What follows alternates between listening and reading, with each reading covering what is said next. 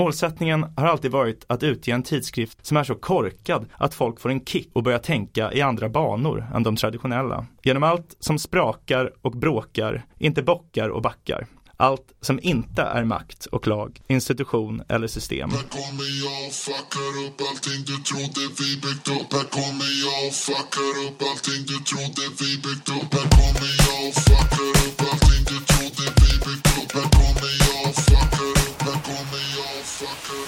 Hej och välkomna till ännu ett härligt avsnitt av podcasten Om och Men där vi reder ut det ni tycker är krångligt och krånglar till det ni trodde redan var utrett. Med mig Vincent Frink Amlenäs. Och med mig Beatrice Erkers. Yes, men du Bea, vad är det egentligen som har hänt sen sist här då? Ja, ah, just det. Vad har hänt sen sist? Ja, det är, um, vi har haft en, um, det är måndag um, nu. exakt. Jag har haft en väldigt bra helg.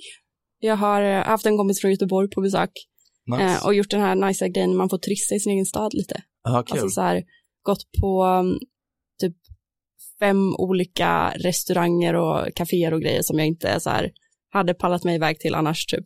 Kul. Jag har, så jag har lite tips faktiskt. Kör. Um, dels upptäckte jag ett ställe som typ ligger mitt emot där jag bor som heter Machaya, Ja, som är okej. ett japanskt ställe. Mm. Det, var så här, det ser astråkigt ut, eller så jättebärst ut liksom från utsidan. Uh, men det brukar alltid vara ganska mycket folk där, så jag tänkte så här, men jag vill ändå gå in typ.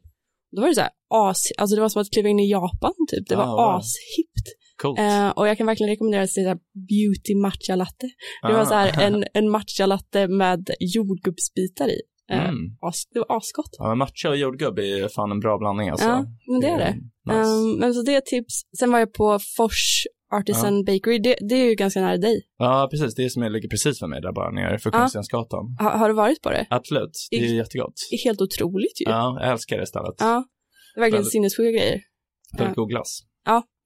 Eh, liksom väldigt eh, fancy franskt antar jag. Eh, Ja. typ jag mycket det. franskt, typ de har så här Paris-Brest och sådana saker och Ja. eh, hem, egengjord, som du sa, eh, mjukglass med Ja. sjuka toppingar och grejer. De har så här millefeuille också som är väldigt god. Ja, precis, millefeuille. De hade så här croissant-kanelbulle och sånt. Alltså Ja. om man gillar lite sådana spexiga grejer eh, så var det väldigt nice. Verkligen. Vi är inte sponsrade av Fors. Tyvärr. Eh, tyvärr ja. Eh, sen var vi på uh, Tigo och Cecil vinbar.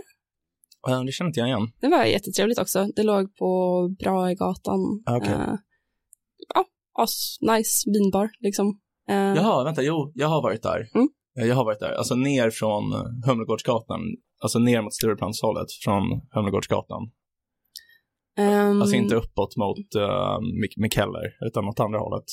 Mikkel vet jag inte vad det är. Den här ölbaren. Ah, ja, whatever, det, är- det är inte viktigt. Eh, ja, nej, men det, det är verkligen nära, ja, nära Mm. Humlegården där ja. Ja, men Så nice. det är nog nice. den. Ja, sen var vi på Mishu Mashu.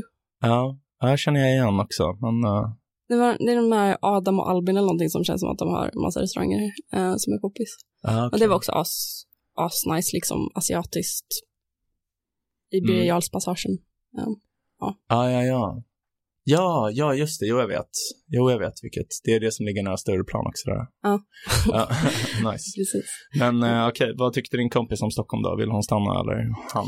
Ja, det är svårt med göteborgare. De har ju något så så här inbyggt. eh, Ja, de hatar oss. ja. Ehm, nej, men, men hon tyckte nog det var trevligt.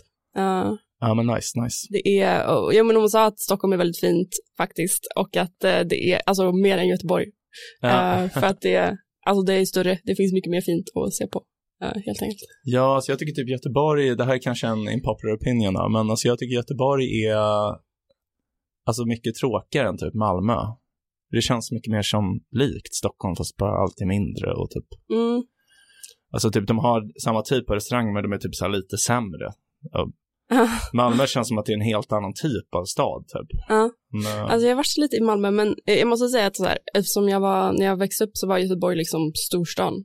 mm, Um, och då tyckte jag, då, då tyckte man det var asfett liksom. ja, Så jag blev väldigt lojal mot Göteborg under den tiden och bodde där när jag var yngre. Um, men sen när jag flyttade till Stockholm så måste jag säga, och jag har säkert Göteborgskompisar som lyssnar på det här, men det är, jag håller med. Alltså det är, det är ganska, alltså, men ja, nej jag vet inte. Alltså jag har ingenting emot, det, det har mycket fint också typ. Men en annan grej som jag har tänkt mycket på, det är att på Avenyn Ja. så finns det inga soptunnor. alltså, Om man har något som man vill slänga, man, alltså man kan gå en du får gå kvart. hela Avenyn ner. Ja men typ, det finns liksom tre, fyra soptunnor på Avenyn. Alltså jag har i och för sig inte varit där på typ sju år, så där kanske har åtgärdats. Men- Mm. Men det som är nice, alltså en stor skillnad med Göteborg kommer jag ihåg var i alla fall när man var liksom student att det gick att leva i Göteborg. Alltså Ah. så här, det går ju typ inte i Stockholm. Är det så Eller mycket det- billigare eller? För jag tänker hyrorna måste väl ändå vara ungefär samma? Alltså, Alltså, det, det är nog ganska mycket billigare känns Ah, det som. okej. Eh, och, eh, och det är enklare att planka på spårvagnar typ. Ah, Eh, och man vet mm. alltid hur kontrollanterna ser ut. Så, inte. listigt, listigt. Man kan Eh, och det finns typ så här andra lång har så jävla billig öl, alltså sådana grejer. i din gata eller? Ja. Ja, jag fattar. Ja, man kan ju gå med i planka.nu annars. Eller det kanske inte finns kvar. Nej, vad är det? Ja, men det var liksom, de var typ, jag tror de var syndikalister, men var, de, de var liksom politiska extremister åt något håll, jag minns inte riktigt vilket. Men de eh, hade liksom en, eh, ett kollektiv som man kunde gå med i. Och då betalade man typ så här 800 kronor per år. Och sen plankade man och om man blev bötfälld så betalade de böten. Jaha. Ja. Eh, Så det var liksom så här som ett billigare kollektivtrafikkort. Typ. Mm. Ja. Men det känns svårt i Stockholm. Ja, det just det, man får försöka så här gå precis direkt efter någon när de går igenom passagen. Ja, och jag tror att när det här var stort i varje fall, det var innan glasdörrarna. Alltså jag kommer ihåg ganska tydligt när de kom. Innan så, jag vet inte om du har sett de gamla spärrarna någon gång? Ja, men sådana som är snurr, alltså som man bara kan hoppa över. Ja, en exakt. metallbom. Ja, precis. Det var mycket så att de la upp YouTube-klipp på hur man ska planka bäst. Man skulle ha typ en halsduk och böja sig fram så att sensorn aktiveras. Jaha, Och sen kan man dra tillbaka den här snurrgrejen och bara gå, gå över. avancerat. Ja, det var lite. Ja. ja, nej men eh, min, det var min helg. Eh, Hur eh, var en sentenans för dig? Ehm, ja, nej men eh, precis, det är ju måndag då, och eh, igår så var jag på min ehm, eh, kompis uh, har blivit mamma precis och hon, ehm, alltså hennes son döptes. Så jag var på det dopet. Uh, du känner henne också ju. Ja. Men ehm, det var jättefint, alltså det var otroligt fint faktiskt. Det var det roligaste dopet jag varit på. Jaså, vad var det som gjorde det till det liksom? Men alltså dels var själva ceremonin väldigt fin. Alltså han var väldigt söt och han hade liksom en dopklänning som han har. Ja. eh, som är liksom alldeles för lång från honom. Han är ju pyttelitet barn liksom. Ja. Ehm, och um, ja, men en liten mössa som var jättefin. Eh, och han var väldigt glad tror jag, under dopet. Det tyckte jag var gulligt. Eh, och sen efteråt så var det liksom en stor fest på en restaurang eh, på Söder. Eh, han döptes då i eh, Maria Magdalena, alltså det här kyrkan som, Mm. jag, jag, typ, jag, jag tror aldrig jag varit inne i den innan. Nej, jag Alltså- har inte varit där heller. Men det är så ställen man bara går förbi, typ. Jag vet inte. Det man- ligger bredvid Hornsgatan där. Ja, exakt, exakt. Alltså precis när man kommer upp där, vad heter det, Pustergränd, eller alltså det här, när man går den här genvägen från eh, Gamla stan upp till Söder. Ja. Alltså eh, via Riddarholmen och eh, precis när man kommer upp där, där ligger den där kyrkan. Mm. Ehm, och eh, sen efter, efteråt gick vi till ett ställe vid Nytorget då. Men det var, alltså det var verkligen trevligt. Mm. Så, Ja, men jag kommer ihåg att han var väldigt, han var med på ert bröllop och var väldigt duktig då också. ja, Bara låg och sov. Ja, han är väldigt duktig. Han hade nästan samma kläder, eller först hade han den här dopklänningen under ceremonin då, men efteråt så hade han samma kläder. Han hade en eh, liten sjömanskostym. Eh. Mm. Ja, väldigt gulligt. ja. Eh, tror han kommer bli sjöman? Eh, nej, alltså det skulle vara väldigt oväntat med tanke på vad hans föräldrar jobbar med. Men Ja. ja, ja jag vet inte, det kanske inte är uteslutet. Vi får väl se. Ja, nej, vem vet. Ehm, ja, men ehm, det var kul. Eh, Nu när du pratar om Söder så det, Ja. fick, det var, ja, vi har ju läst en bok. Ja, exakt. Vi har Ja. läst en bok, den heter Galago-boken av Rolf Claesson. Och eh, den handlar om det anrika serieförlaget Galago. Mm. Så. Och eh, ja, det var ju lite jag som pushade att vi skulle läsa den här boken. Jag hade läst en understreckare av Håkan Lindgren som jag tycker väldigt mycket om, som handlar om den här boken. Och då verkade den otroligt bra. Men så här i efterhand så- har jag förstått då att det handlar mer om Håkan Lindgren än om boken. Mhm. Ja, för den här boken var ju inte så bra. Nej, jag, jag, så här, jag hade ju beställt hem boken och börjat läsa Mm. innan du hade hunnit läsa den. Då var Ja. jag så här. Det var, det, var, det var väl mest för att det var så här, ja, men dels så, jag är ju ingen seriefantast så, alltså jag har ju upptäckt det på senare tid, alltså lite, du har introducerat mig för en del. Mm. Eh, så jag tycker det är nice, men jag har, jag har inte riktigt kommit till den nivån att jag vill läsa en gammal gubbes memoarer typ, Nej. Eh, vilket var det det var. Ja. Nej, men ex exakt, alltså det var lite så här, jag hade inte förstått så här, hur mycket av en entusiast för just Galago man behövde vara för att tycka om den här boken. Alltså det är ju lite dumt att jag inte förstod det, för jag menar, det, den heter ju Galago-boken liksom. Men jag trodde det skulle vara mer bara om typ så här, serier i allmänhet i Sverige typ och ja men det var nog det jag hade tänkt också, någon så här med kulturhistoria, ja, eh, lite mer analytisk typ. Exakt, den var så otroligt personlig. Alltså det var typ så han pratade om typ gamla tågluffar när han var tonåring, typ hur mycket syra han tog och så här. Jag menar, det känns så här. Ja, men Ja. det jag tyckte var kul var, ehm, alltså dels var det det du började, det var det jag började snacka om med söderkopplingen. Det var, eller, för jag tyckte att man fick en annan bild av så här, hur Stockholm var förr typ, eller den Ja. tyckte jag om hur det målades upp typ. Ehm, och då pratade han om, eh, för de hade flyttat till några kontor på Söder, Mm. Eh, och det var, jag bodde ju precis där, eh, Mm. där, där de hade sitt kontor på Grindsgatan. Ehm, och det var väldigt kul, för han pratade om det som ett så här kulturellt litet center. Det, hade ju, det tänkte ju inte jag när jag eh, bodde där. För att det ligger så här, men nu så ligger det zoo, ehm, ett, ett kollektiv som jag, där har jag varit inne också, så här, i Mhm. det huset som, eller i just deras gamla kontorslokal. Men Det ligger ett zoo, vad sa du? det, heter, det heter Zoom, men det är så här typ, eh, alltså massa webbredaktörer som jobbar där. Aha, Alltså åh nej, det, eh, ja, men de Ja. är, det är väldigt eh, snälla människor. De har Ja. en julmarknad varje år Aha, eh, okej. som är lite speciell. Eh, så det var där, därför jag varit inne där. Att det är inte så avantgardistiskt att vara webbredaktör liksom. Men, men eh, kanske man säger grafisk design lite mer. Ja, ah, okej. Alltså ändå lite designmänniskor Ja, liksom. ah, jag förstår. Nej, men visst, det- jag fattar. Eh, och så ligger ju Larry's Corner där. Ingen aning. Det är en jätte, alltså jag har ju aldrig gått in för jag har tänkt att det där är en random butik, jag fattar inte varför den finns här. Mm. Typ. Eh, alltså det är så här, om man går förbi så det är bara massa typ, eh, om man inte är seriefantast och supernörd då så ser man det som en, en superrandom butik på en gata, alltså så här, där det inte är några andra butiker liksom, Ah, ja. eh, som har massa skräp typ. Alltså att det är så här tidningar och lite t-shirts och grejer och man, man förstår inte, alltså jag, jag, jag bodde där i, jag tror typ nästan två år eller någonting, jag gick aldrig in eh, i, i den här butiken. eh, men han beskrev det som ett så här, där är det massa event, så där händer det massa grejer och sånt. Ah. Men Eh, det- här var där du bodde, in, där du bodde innan, det här bakom Skanstull? Typ, Ja, bakom eh, Ja. Allhelgonakyrkan. Ja, ja, ja, just det. Um, och, och så prat, det, det vet jag ju att uh, Antikvariat Hundörat, ehm, det blir väldigt mycket Stockholm i det här avsnittet, men uh, Antikvariat Hundörat ligger där, det är jättenice, uh, ligger nära den också. Och så sa han att Thomas Tranströmer hade bott Mm. i, i det där kvarteret också, eh, i halva sitt liv. Ja, men det, det visste jag att han har bott där. Han har bott mycket på Södermalm överhuvudtaget. Ja, Och i Västerås, tror jag. jaså? Ja, jag tror han bodde länge i Västerås också. Det har jag ingen aning om. Eh, ja, men det var bara lustigt att man så här kan ha spenderat så himla mycket tid på ett ställe utan att ha snappat upp på sådana grejer.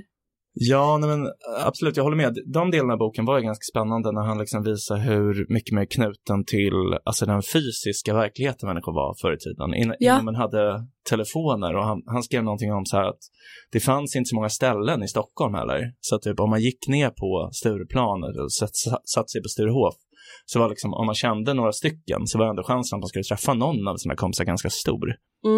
Ja, han sa att det var så här, det är typ fyra ställen i stan där folk hänger. Det var, Mm. det var typ Stureplan, Humlegården och något ställe på Söder och något sånt. Ja, Eh, och eh, ja, precis, det lät, det lät ganska nice tycker jag. För att man bara så här på chans kan gå ner om man får lite feeling. det känns väldigt low key. Ja, Alltså det var typ lite så, alltså vi, typ när jag gick gymnasiet, då hade ju, jag hade inte en smartphone. Alltså hela gymnasiet. Men vissa hade ju det. Men det, men det var liksom, det var mycket mindre här med sociala medier, att man hela tiden använde dem. Det var mycket mindre så då. Mm. Ehm, men jag kommer ihåg att vi hade ett litet sånt ställe, F12, alltså Fredsgatan 12. Mm. Som är, alltså där Konstakademin ligger. Det var, det var tidigare typ en klubb. Mm. Men liksom bar slash klubb. Eh, och dit var det typ så här att man, åtminstone under somrarna, eh, när trappan var öppen, alltså var utomhus, eh, då gick man ändå dit typ varje dag. Man träffade alltid någon man kände. Mm. Det var ganska kul, för det, det finns ju ingen motsvarighet nu alltså. det låter ju asmysigt liksom. Nej, det, nej, verkligen inte. Jag skulle inte kunna gå eh, ut någonstans och liksom tänka att ja, här satt jag nog på Vincent och då bor vi ändå så här tio minuter ifrån varandra. Ja, Eh, Ja. Lidl i och för sig. ja Alltså, exakt. Lidl. faktiskt. Det är där du kan hitta mig alltså. Ja. Ehm, Göra klipp. Ja, men, ja, men det var också kul för så här, Sturehof tänker man ju på ett, som ett väldigt Porsche ställe. Ja. Eh, men det pratade han om var mycket mer low key liksom. Mm. Eh, och att, ehm, Att det var en sylta liksom. ja precis, det var så kul för han, det var någon bild där, där han stod i liksom där träskor utanför Sturehof. Ja, jo. Det såg ändå ganska, eh, ja, det var, det var ett annat Stockholm. Ja, men det känns som Ja. att ingenting riktigt var så Porsche då typ. Nej, Liksom nej inte, inte i Sverige liksom. Nej, men det kanske var typ Grand Hotel då. Ja, Alltså så här. ja. Men, eh, Eh, och sen så berättade han också typ att på Lidingö så var det fullt med så här tomma ödehus och sånt som de typ brukade Mm. squatta och sånt. Ja, just det, just det. Det är också ja, det är helt otänkbart tror jag typ. Ja, men det där berättade min, eh, alltså min, eh, min frus morbror berättade för mig att när han var ung så, så bodde han i flera år i ett sånt Mm. Inte på just Lidingö, det var, det, det var i Skåne, men, men liksom, det var så en vanlig grej eh, Mm. i den generationen. Han är ju kanske lite yngre än den här Rolf Claesson, men inte mycket. Alltså det är nog under tio års skillnad. Eh, så det var liksom en liten grej bland så här, med radikala ungdomar på den tiden. Typ. Ehm, ja, men, men vi kanske borde göra någon sorts lite mer grundgenomgång av vad Galago är förresten. Eh, ja, nej, men det kan vi göra. Alltså det, det är liksom ett, ehm, ett förlag för eh, serier som riktar sig till vuxna. Så det, det är liksom inte serietidningar för barn, utan det, alltså, det brukar kallas för underground-serier. För det, det började lite så, liksom. Ehm, att man utmanade stora förlag och eh, gav ut liksom ehm, provokativa serieskapare som ehm, ja, men liksom gick lite mot strömmen och skrev saker som man kanske egentligen inte fick eh, skriva sådär. Och, eh, ja, Mm. så det är väl Galago. Mm, precis. Uh, grundades 1979, som, men då var det ju bara tidningen. Eh, och sen så blev det ett förlag liksom. Ja, Mm. Exakt. Det var väl tidningen som var liksom mest känd egentligen och att de tjänade pengar på, på böckerna, men det var liksom tidningen som gjorde reklam för böckerna typ. Mm. Eh, alltså den numera mest kända som ges ut på Galago måste ju vara Liv Strömquist, tänker jag. Ja, jag tänker också det. Hon har i och för sig gått över till Norstedts här för mig. Ehm, Men hon gav sig ut väldigt länge på Galago i varje fall. Ja, det är sant. Eh, ja, men precis. Sen så är det ju, ja men precis, hon måste ju vara kändast. Sen är det ju typ så här Martin Kellerman, tänker jag. Ja. Eh, det är han som har gjort den här em, serien Rocky som folk säkert känner igen. Ja, eh, som är någon så här semi-biografisk serie. den är ja. skitrolig. Ja. Jag har inte läst den typ så mycket, men jag känner ju absolut igen den. Ja, men den skulle du gilla. Alltså det är mycket så här, um, ja men typ sent 90-tal, tidigt 00-tal. Så det är mycket så här typ, uh, folk lyssnar på Petter och sånt typ. det är ganska kul ändå. ja. Um, ja, men jag kommer ihåg att den var, den var ju med i Metro, när Metro delades ut gratis mm, hela tiden. jävla skittidning det var. ja, Ja, jag är väldigt svårt att, eh, jag kommer inte ihåg vad som liksom var där i, men ja, det var överallt. allting var väldigt kort. Det var typ så här, nyheterna kunde vara en eller två meningar bara. Det var bara som rubriker. Men det var ju tanken att man skulle hinna läsa på tunnelbanan där Mm. i och för sig.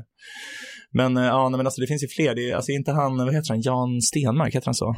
Jo, men det var faktiskt kul att han dök upp. Um, jag har alltid varit ett fan av honom liksom. Uh, det är en konstnär och illustratör, eller man ska säga, som Mm. sätter ihop väldigt så här humoristiska Collage. bilder. Ja, Ja. precis. Och ofta typ ganska mörk humor också. Det känns ändå Verkligen. ganska genomgående för Galago och grejer, att det är Absolut. ganska mörk humor. Eh, vuxenhumor eller vad man ska säga. Mm. Ehm, ja, men precis att han har, det, om man bara googlar på Jan Stenmark kommer det upp massa av hans roliga collage typ. Det, det är ju Mm. lite svårt att få det att eh, låta kul i ljud. Det, är det är bättre att se. Ja, men verkligen. Men det var kul att höra lite om hans arbetssätt. Vi har lyssnat på en podd där den här Rolf Claesson pratar om, eh, alltså det är som en sammanfattning av boken också då. Ehm, och ehm, det är ett snedtänkt avsnitt från typ 2017 eller något sånt där, eh, som var jättebra. Så kan jag tipsa om. Eh, om man inte orkar läsa den här. Då. Eh, och där berättar han att eh, den här Stenmark, då, heter han så? Fan, jag, säger alltid fel på hans namn. Ja, Stenmark. Stenmark. Ja, men att den här Stenmark, han hittar på liksom en textrad först. Mm. Och det är först i efterhand som man börjar leta efter bilder. Och då köper han upp så här enorma partier med gamla typ Veckorevyn och så här ga- gamla tidningar från 40-50-tal. Sen sitter han och liksom, han, det är som ett heltidsjobb från när man sitter och läser de här gamla tidningarna liksom, för att hitta något som ska passa hans textrad. Ah, gud vad, det är väldigt lustigt. Ja, så otroligt märkligt jobb han har. Ja, men det, det känns som ett väldigt eh, kul sätt att göra någon sorts konst på, eller vad man ska säga. ja, nej men verkligen. Väldigt opretentiös också. Svårt att förstå hur det går runt. Liksom. Ja. Man måste ju vara jävligt bra, tänker jag. Alltså som han ju verkar vara. Ja, men jag tänker att han är extremt folkkär. Alltså jag tycker man ser liksom de mest oväntade personer, alltså riktiga boomers på Facebook som delar liksom. eh, Ja, alltså Stenmark. Jag, jag i min studentlägenhet hade liksom magneter med Jan Stenmark eh, på kylskåpet liksom. Ja, har du någon favorit? Alltså det känns som att eh, det är någon som är så här, den mest kända är väl så här, någon dag ska vi alla dö, eh, alla andra dagar ska vi inte det. Ja, Typ. ja just det. Han är rolig. Min, min Mm. favorit är, det är liksom en bild på, alltså från typ 30-40-tal, på en man som sitter vid en bardisk och lutar sig mot en kvinna och säger något. Och sen har han liksom så här klippt in en Bajen-halsduk runt, ehm, runt hans hals. Och så står det så här, citat då. Är det okej om jag bara kallar dig Bajen? Ja, Den den, den kommer jag också ihåg. Eh, och och den, det är någon på en cyklist också, eh, som är så här, min ringklocka har gått sönder men jag kör hellre på folk än säger pling pling. Typ. Ja. Eh, Just det, och sen är det en annan där man ser genom en portal en man som har hängt sig. Och så står det så här, först trodde jag att han var mitt i ett hopp. ja, det är jävligt den är mörkt. så himla mörk. Ja. Men det är ändå väldigt kul. Ja, eh, eller ja. Nej, men den, den kommer jag ihåg att den är. ehm, Du blir rädd bara kanske. Um, rädd är väl fel ord, men eh, den, den kände jag inte så mycket humor i, men, eller jo, okej, ja, jo, kanske Ja, någon sorts humor. Men jag tycker, alltså det mycket av de här serierna är ju så här, de är ju så extrema, det är därför de är roliga liksom. För Mm, att de, allting är så himla knäppt. Alltså Rocky är också så, typ Arne Anka och liksom, mm, ja, jag gillar det ändå. ja, Ehm, precis, men en av de mest, eh, eller den, som jag inte hade någon koll på innan, um, var det här Socker-Conny. Mm. Ja, det var en stor succé. Har du koll på den? Nej, inte läst Sockercon, jag bara läst dem här och hört talas om. Ja, men det, var, det var, verkar vara deras stora, stora första succé, typ, för det var en av medgrundarna, Joakim Pirinen, som eh, Mm. hade gjort den. Och det ska vara någon så här väldigt satirisk eh, serie eh, som kom under 80-talet då.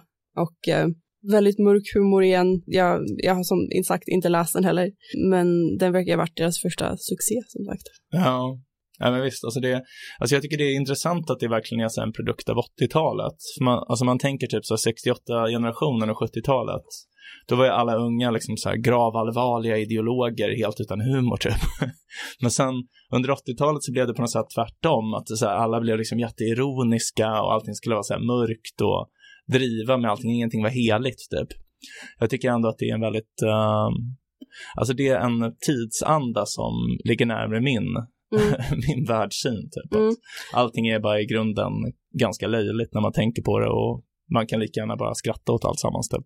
Ja, jag tyckte det var väldigt kul för det var något eh, stycke där, kom, alltså så här om vad målsättningen, det var som ett statement som var liksom, vad är målsättningen med Galago? Mm. Ehm, och då var det, alltså, det var ju en hel A4 typ, så det var väldigt mycket mer än det jag säger nu, men det var liksom eh, någon sorts så här, vi försöker vara ett forum där folk kan ehm, utforska liksom det absurda, eller så här, förstå att man inte behöver göra allting Mm. eh, exakt enligt mallen eller vad man ska säga. Nej, exakt. Ehm, och att det var någonting i det som var, det kändes väldigt existentialistiskt typ. Att det var det här lite som vi har pratat om innan med typ um, det här med att, um, uh, nu blankar uh, Camus, nej, ehm, Mm. och- Ja.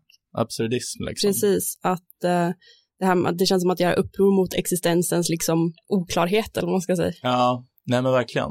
Alltså de är ju ganska inspirerade av eh, dadaisterna. Mm. Um, Hugo Ball hette en av dem mest framträdande. Ja, verkligen. Men det, han, var, han var tysk då. Ja. Det betydde inte samma sak. Han var jävligt ball. Ja, Det var synd. otroligt ball. Ja. Men, ehm, ja, men det är ju den här rörelsen som är, alltså Dada är ju så här som ett barn låter. Så att det är som att på svenska hade det varit typ så här bla blaism eller något Mm. sånt. Mm. Som bara skulle, ja men liksom driva med allt typ och eh, med alla ideologier. Det här var ju liksom under, ehm, ja men alltså mellankrigstiden och sådär, typ modernisterna. ehm, som skulle driva med liksom alla politiska ideologier som typ kommunismen och liksom nazismen och så här och bara, vi har vår egen ism som är dadaism typ. Eh, och där är ingenting på allvar. Så det är lite samma andas barn på något sätt, de här Galago-människorna, får Mm. jag intryck av. Nej, men det, det låter det ju verkligen som. Eh, att man liksom inte riktigt tar någonting på allvar. Eller, man, eller inte att man inte tar någonting på allvar, kanske så mycket som att man, man kan förvandla allting till ett skämt mer. Ja, exakt. Alltså det blir också typ, jag tror att det, det var därför jag ville läsa den här boken, för att det var Håkan Lindgren skrev något om det i sin understreckare, att, att det är just genom att driva med allt så finns det liksom en, en djupare form av allvar. Alltså det är något så här lite paradoxalt, typ att man, det är som att man, för det är inte bara så att man ska sparka uppåt, att det är så här instrumentellt, som man tänker att vissa typ vänsterpersoner var under 70-talet, att man ska driva med de rika typ, utan det är verkligen man driver med alla och liksom kallar alla för skenheliga och det är som att man gör sig på ett sätt till företrädare för liksom någon form av djupare anständighet. Liksom att, Ja, men jag tyckte att han formulerade det väldigt bra. Egentligen så tycker jag att man borde läsa den understreckningen snarare än själva boken. Ja, det, det låter som en väldigt bra undersökare. Ja. Skrev han någonting mer du kommer ihåg liksom? eh, nej, men inte riktigt så här på rak arm. Um, eller jo, han skrev nog mycket om att, så här, att ja, men den generationen, alltså de som var 20-30-årsåldern på 80-talet, de, de ville liksom vara provokativa, experimentera och göra liksom nya um, oväntade saker. Men den generationen som är unga nu, alltså typ folk i vår ålder och, och kanske framförallt yngre, det de är mest liksom intresserade av är att inte förarga någon. Mm. Att eh, eh, inte råka säga fel sak, att inte bli cancelled. Och att det är liksom farligt för kulturen, i citationstecken. Alltså att det är dåligt för kulturell utveckling, dåligt för konsten. Mm. Um, Men det, det köper jag. Jag tänker på um, just det här med det blir, det blir en annan homogenisering av Ja. åsikter och liksom bara uttryckssätt när man eh, är rädd för att alltid, ah, att man inte vill förarga någon. Det, det är en väldigt extrem parallell, men jag tänker på det här nu. Det var ganska nyligen som Prigozjin mm. dog. Ja. Eh, och att det är, så, det är så himla sjukt bara att eh, eh, Alltså hela den situationen är ju sjukt absurd. Ja. Men just hur långt det kan gå om liksom ett samhälles eh, åsiktslagar, eller vad man ska säga, blir för strikta. Jo, absolut. Han gjorde ju mer än att uttrycka åsikter i och för sig. Han marscherade ju mot Moskva. Det får man säga. Men eh, absolut, han blev ju han blev utan tvekan mördad, tänker jag. Det måste ju ha varit så. Det, vi vågar uttala oss om det här i podcasten om och men.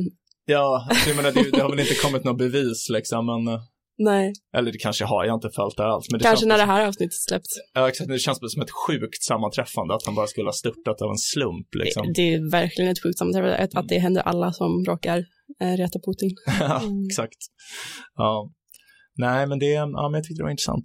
Mm. Jag tyckte ändå, det var på något sätt kul att läsa den här boken och lyssna på den här podden, även om jag inte tyckte så himla mycket om boken. Så var det ändå kul liksom. Nej men jag, alltså, eh, den tog sig lite för mig, alltså för i början var jag så här bara, åh gud. Eh, Ja. Men sen så blev det kul, dels så var det ju, jag har ju jobbat i förlagsbranschen förr, Ja, just det. Um, så det blir lite som en påminnelse om hur det var, typ lite, och liksom en inblick i, i den världen igen. Och den är ganska mysig. Ja. Alltså det är ganska trevligt. Um, som, um, eh, men han, dock så tror jag inte att det är den branschen som driver vår värld framåt så mycket. Um, som till exempel, Åtminstone inte längre. nej, nej men precis, det är sant, det har, den har ju verkligen gjort det, absolut. Um, men han pratar till exempel om det här med kulturskriftsstöd från eh, Statens kulturråd. Ja, Eh, och att då, det kommer jag ihåg för det sökte vi till exempel på det förlaget jag jobbar på. Mm. Ehm, och då, det är väl så alla går runt liksom. ja, när man ska göra så pass smala grejer så är det typ det. Mm. Eh, men hans eh, kuriosa där var ju typ att, ja men för att söka statens kulturtidskriftsstöd så måste man ha gett ut fyra nummer. Mm. Eh, och de har gett ut ett nummer. Ja. Eh, och sen så, så här gjorde de ett, eh, Fejknummer. Ja, ett dubbel, eller de gjorde ett dubbelnummer av det andra numret, att de sa att det var nummer två och Mm. tre. Mm. Och sen så klippte de ihop typ med saker de hade över ett nummer ett som de sa, ja det här är nummer ett. Ja, men vi, vi tryckte bara fem exemplar. Ja. så jävla fult. Ja, ja de fick avslag dock. Ja, Ja, men men sen så fick tur. de ju, sen fick de ja. ett stöd, så det är väl därför de finns. Men hallå, eh, förlåt, kan vi bara pausa? Ja men precis, det är ganska mycket stöd som får liksom eh, branschen att gå runt. Det kände jag generellt, alltså särskilt med som smal utgivning. Inte typ Camilla Läckberg uppenbarligen, men filosofi, då är det liksom man kan få eh, stöd för att ge ut filosofi, Mm. översättningar på svenska och sådär. Poesi är ju verkligen så också, får man säga. Mm. Ehm, ja men liksom smala grejer överlag. Ja. Nej, men jag tänkte på det, alltså faktiskt när jag, när jag, alltså, jag läste nyligen en bok av Derek Parfit översatt till svenska, Själ och personer heter den på svenska. Då. Jag antar att det är Anders Hansson som Ja, ja, det är han, Översatt, den uh, hedersmannen uh, Anders Hansson. Mm. Eh, han översatte den, en, en väldigt eh, bra översättning ska jag säga. Men jag, jag, jag tänkte mycket på, när jag läste så här, att eh, det är på ett sätt ofattbart att den här boken kunde skrivas, för att man märker liksom vilket extremt arbete det måste ha inneburit från honom. Mm. Och Alltså så här, det, det är såklart kul att, att den boken finns på svenska, men jag har väldigt svårt att se, alltså det här är en bok som vänder sig till en extremt smal publik som är intresserad av väldigt tekniska filosofiska frågor inom olika fält. Eh, och jag kan inte tänka mig att det finns en person som vill läsa den som inte kan engelska. Nej men precis. Alltså, de, jag, jag tror Anders Hansson gör det där för att han tycker det är kul. Ja, precis. Det kan ju vara ett sätt att utforska en, en Jag- filosofi. Ja. Jag är nästan också, jag tror att han kan, att han ger ut dem själv liksom, att det är egen publicering. Um, Alltså det beror på vad man, han äger ju förlaget. ja, okej, är- ja, men då, ja. då är det väl det. Ja, jo, I guess. Men eh, alltså, jag menar, det är ju ändå ett bra förlag, ad hoc. De har ganska, ganska många titlar. Fast det kanske, alla kanske är hans. Jag har inte tänkt på det. Ja, vi får kolla upp det här. Ja. Ja. jag, jag, skulle, jag skulle kunna tänka mig att det är det. Om, om, jag vet inte hur mycket, men om, jag har ingen koll på att, jag visste inte att det var ett förlag, men då, om det är många titlar, jag vet ju, jag vet ju att han har översatt en massa Derek Parfit liksom, ja. Ehm, men jag visste inte om det är andra som han har gett ut. Eh, jo, men eh, bland annat uh, Philippa Foot Oj, har han översatt. Vad, det har jag ingen koll på vem det är. Ja, men Philippa Foot var en, eh, en av de här, um, um, alltså en av de här kvinnorna eh, som, alltså det är ju hon som har kommit på spårvagnsproblemet till exempel. Oj, jaha, Um, the trolley problem. exakt. Um, alltså hon och Anscombe och eh, Iris Murdoch och Midgley, alltså de brukar kallas för någonting, eller Oxford-kvartetten de kallas kanske. Jag minns Spännande. Ja. Jag får kanske kolla in honom. Ja, det skulle vara något. Ehm, ja, nej men det är en lustig bransch. Det är, um, han pratar mycket om bokmässan, eller han tillägnar Ja. ett kapitel till Ja, bokmässan. man blir så sugen på att åka dit. Ja. Alltså, fan vad kul det hade varit. Ja, har du varit där? Nej. Det är, jag var ju där när jag jobbade eh, med det. Ehm, det är väldigt mysigt är det faktiskt. Det är ju liksom verkligen ett, eh, ett rum för, för nördar. Ja. Ehm, men det är också så här, det är ganska feta namn som kommer dit. Jag kommer ihåg liksom Nassim Taleb var där när jag var där, det skulle vara så kul. Ehm, och, Ja, okej. Ja. ehm, men det är, det är liksom mest att man dricker vin eh, och köper böcker. Mm. Men, men det är också lite lustigt när man hamnar i en värld som är en liten, ett litet slutet ekosystem på vissa sätt, eller vad man Mm. ska säga, att det är, alla vet vart man ska gå, vart liksom den stora efterfesten är typ. Ja, Galagofestarna. Nej, men jag kommer ihåg att jag stod i kö till att komma in på den här efterfesten typ och så det var nog, senast jag blev nekad var nog på den festen, då fick jag vända. Fy fan, Ja, förnedrande. ja. Ja, nej men jag vill gärna åka dit. Men jag tycker att det var så kul med han den här Rolf Claesson. Det känns som vi bara hyllar honom nu. Vi, tidigare vi pratat om hur jävla den här boken var, men nu sitter vi bara och hyllar honom oavbrutet. Men, eh, nej men alltså jag tyckte det var kul att han, han känns som en sån himla så levnadsnjutare. Han är så ärlig med bara, ja men efter det här året var det inget bra, för då slutade de med eh, alkohol. Ja, han är så ärlig med sig att det enda anledningen till att han gillade det var att han bara fick supa till liksom på den här mässan. ja.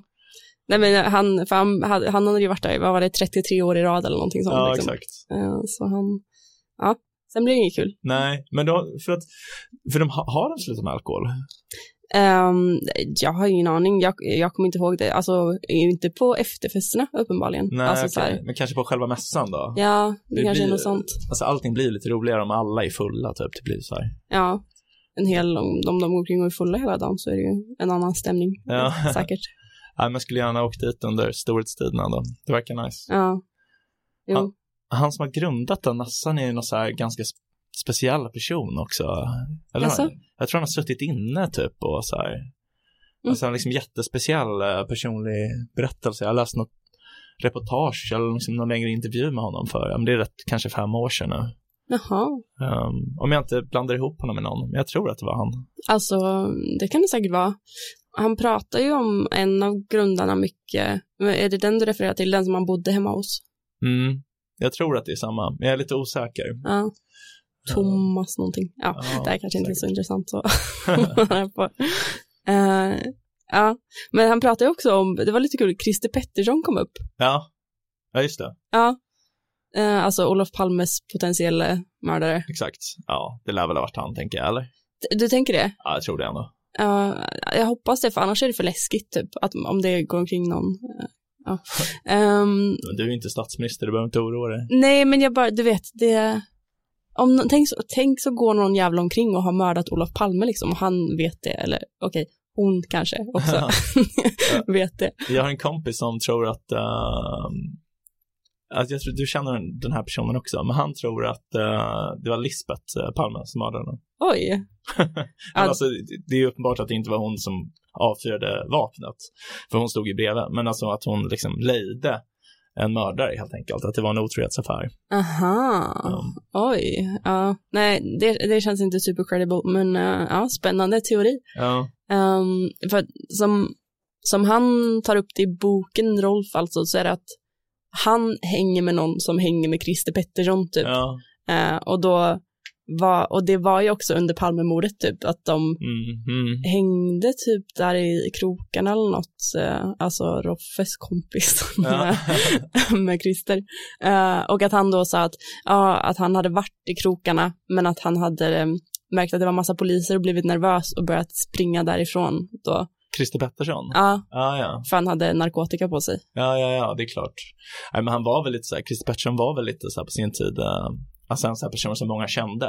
Mm, För att han var ute och röjde mycket typ och man hade väl liksom mm, stora problem med missbruk och sådär. Och alltså sådana personer blir ofta så att många säger att de har hängt med dem för att, eftersom de alltid är ute. mm, Ja, men det var spännande. Alltså jag tänkte på det här med kulturstöd. Alltså jag, eh, när jag läste om det och när han pratade om det i den här podden som jag lyssnade på också, då, alltså kul, min första impuls var att typ kolla upp hur man kan få kulturstöd. mm. Och jag tänkte direkt bara, hmm, undrar om man kan starta typ en kulturtidskrift bara för att få kulturstöd. för, att man, för att jag menar, alltså om man betalar ut lön till sig själv, då räknas ju det som omkostnader. Ja, Alltså jag antar att man inte får gå i vinst liksom på stödet. ja. Men man skulle ju kunna tjäna en hacka ändå. Eh, så, så vad är det du tänker att du skulle ge ut? Nej men om kulturtidskrift, jag började kolla upp så här tryckerier och man kan hitta jättebilliga tryckerier. Aha. Eh, man liksom formger, alltså det behöver inte vara så jättemycket innehåll heller tänker jag. Ja. Eh, och det kan väl handla om vad som helst, man får hitta någon nisch typ. Eh, kanske poddförslag. Skulle du, eh, skulle du bara, ja det är bra. Skulle du bara eh, publicera dig själv i din kulturtidskrift eller skulle du publicera andra också? Eh, Nej, men eh, kanske mig själv bara. Mm. Vincents eh, Exakt. tidskrift. Ja, men jag, alltså jag var ju, var egentligen där jag började, alltså jag skrev i och för sig också när jag var li, alltså mindre, för min pappa drev en tidning som låg på bussar, Jaha. Eh, alltså Ekmans buss och så. Mm. Eh, Alltså det är ungefär som kupé fast det låg på bussar och stället. Ah, då, då sk- skrev jag, um, jag kanske slutade jobba där när jag var 21 typ. Um, um, men sen när jag började skriva liksom igen, så, som jag gör nu, då började jag för en essätidskrift som hette Poros. Uh, och skrev uh, och essäer om allt möjligt, typ. Uh, och de, alltså de har rätt till kulturstöd, Mm. men sökte aldrig. Och jag kommer ihåg att jag alltid blev så irriterad för att de hade ju kunnat få tillräckligt med pengar för att betala arvoden. ja, Men de var så här typ, nej men, eh, ja men det var liksom en samling eh, filosofer framförallt och några idéhistoriker i, som pluggade i Uppsala och lärde ut och sådär. Och eh, mycket doktorander.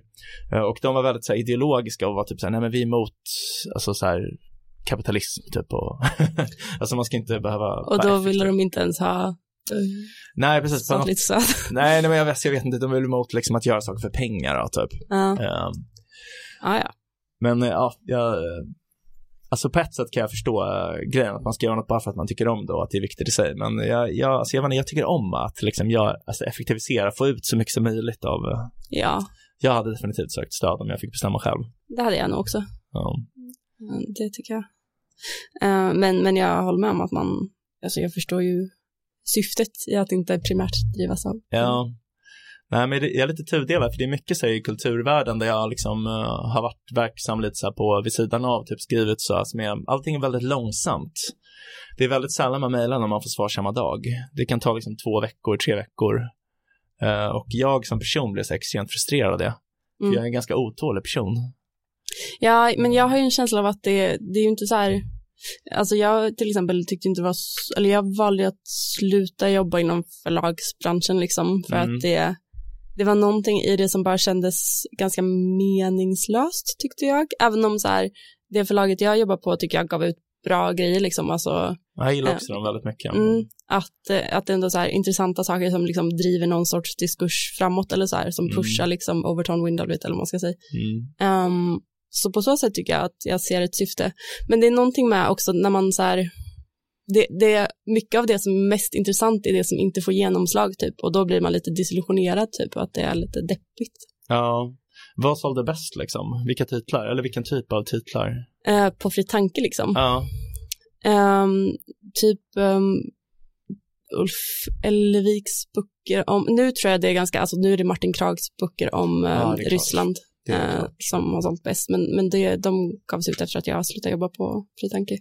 Eh, men typ så här, en bok om giftmord, någon om så här, Mhm. ehm, hälsa, alltså, Ja, det är klart, det är sånt Ja. folk vill läsa. ja, Hur de kan må bättre och leva länge och vara smala, typ. precis.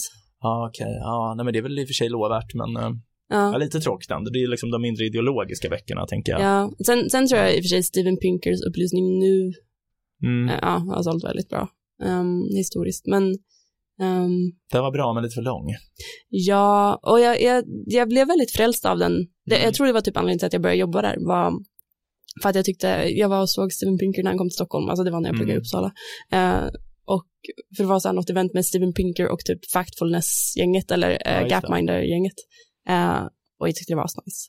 Men ehm, om jag hade läst boken nu, eller när jag tänker tillbaks på boken, så um, den är ändå lite för biased liksom, Mm. för att jag ska hylla den så mycket som jag gjorde då i alla fall.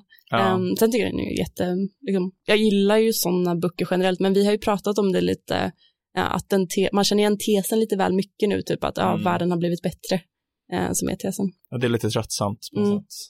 Men, eh, men det ledde lite till, ehm, han pratar om entropi, eh, eller han nämner entropi i boken, Ah, ja. eh, som ju vi ska göra ett avsnitt om eh, ja, precis.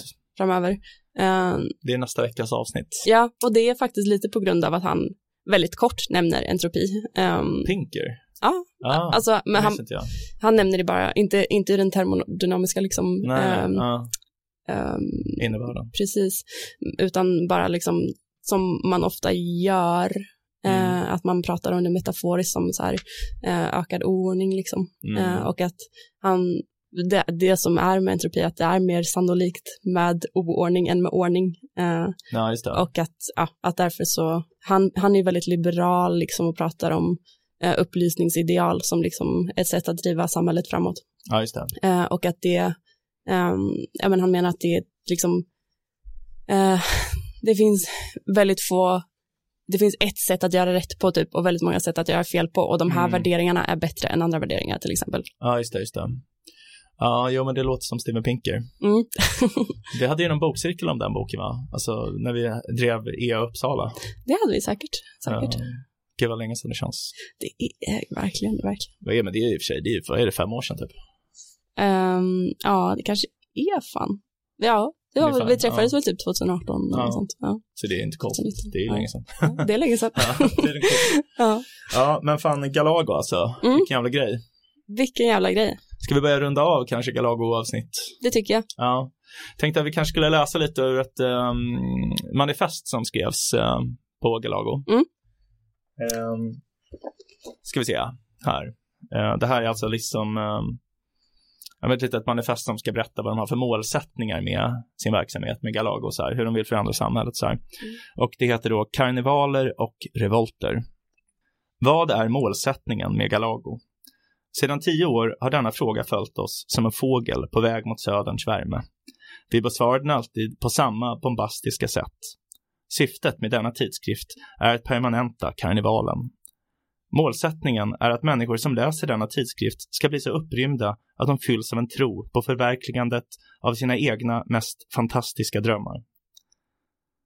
Målsättningen har alltid varit att utge en tidskrift som är så korkad att folk får en kick och börjar tänka i andra banor än de traditionella. Genom allt som sprakar och bråkar, inte bockar och backar. Allt som inte är makt och lag, partiapparat, institution eller system. Karnevaler är till exempel utmärkta. Humor, narrsträck, dans, surrealism, musik och dada. Allt som kan liknas vid fontäner. Bakhtin skriver i Rabelias och skrattets historia Till sitt väsen är karnevalen livet självt, men ett liv som utformats enligt lekens princip. Det är fan mäktigt. Ja, verkligen. Mer skratt åt folket, mer narrsträck och karnevaler, mer revolt. Narras mer. Ja, exakt. Nu narras vi hörni. Ja. Uh, ja, men jättefint läst. Tack så mycket Vincent. Ja, ja, men då så. Då får vi tacka lyssnarna också här för att ni har lyssnat på ännu ett härligt avsnitt av podcasten Om och Men, där vi reder ut det ni tycker är krångligt och krånglar till det ni trodde redan var utrett. Nästa vecka kommer vi prata om någonting helt sjukt. Här kommer jag och fuckar upp allting du trodde vi byggt upp. Här kommer jag och fuckar upp allting du trodde vi byggt upp. Här kommer jag och fuckar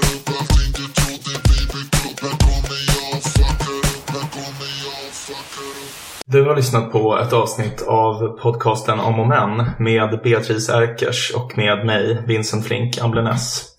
Vi har en mejladress, omochmän@gmail.com om och men gmail.com. Hör gärna av er om ni har några förslag på ämnen vi kan ta upp i podden eller om ni undrar något. Vi kommer att svara på alla mejl. Tack för att du har lyssnat. Vi hoppas att du vill lyssna även på nästa avsnitt som kommer på måndag.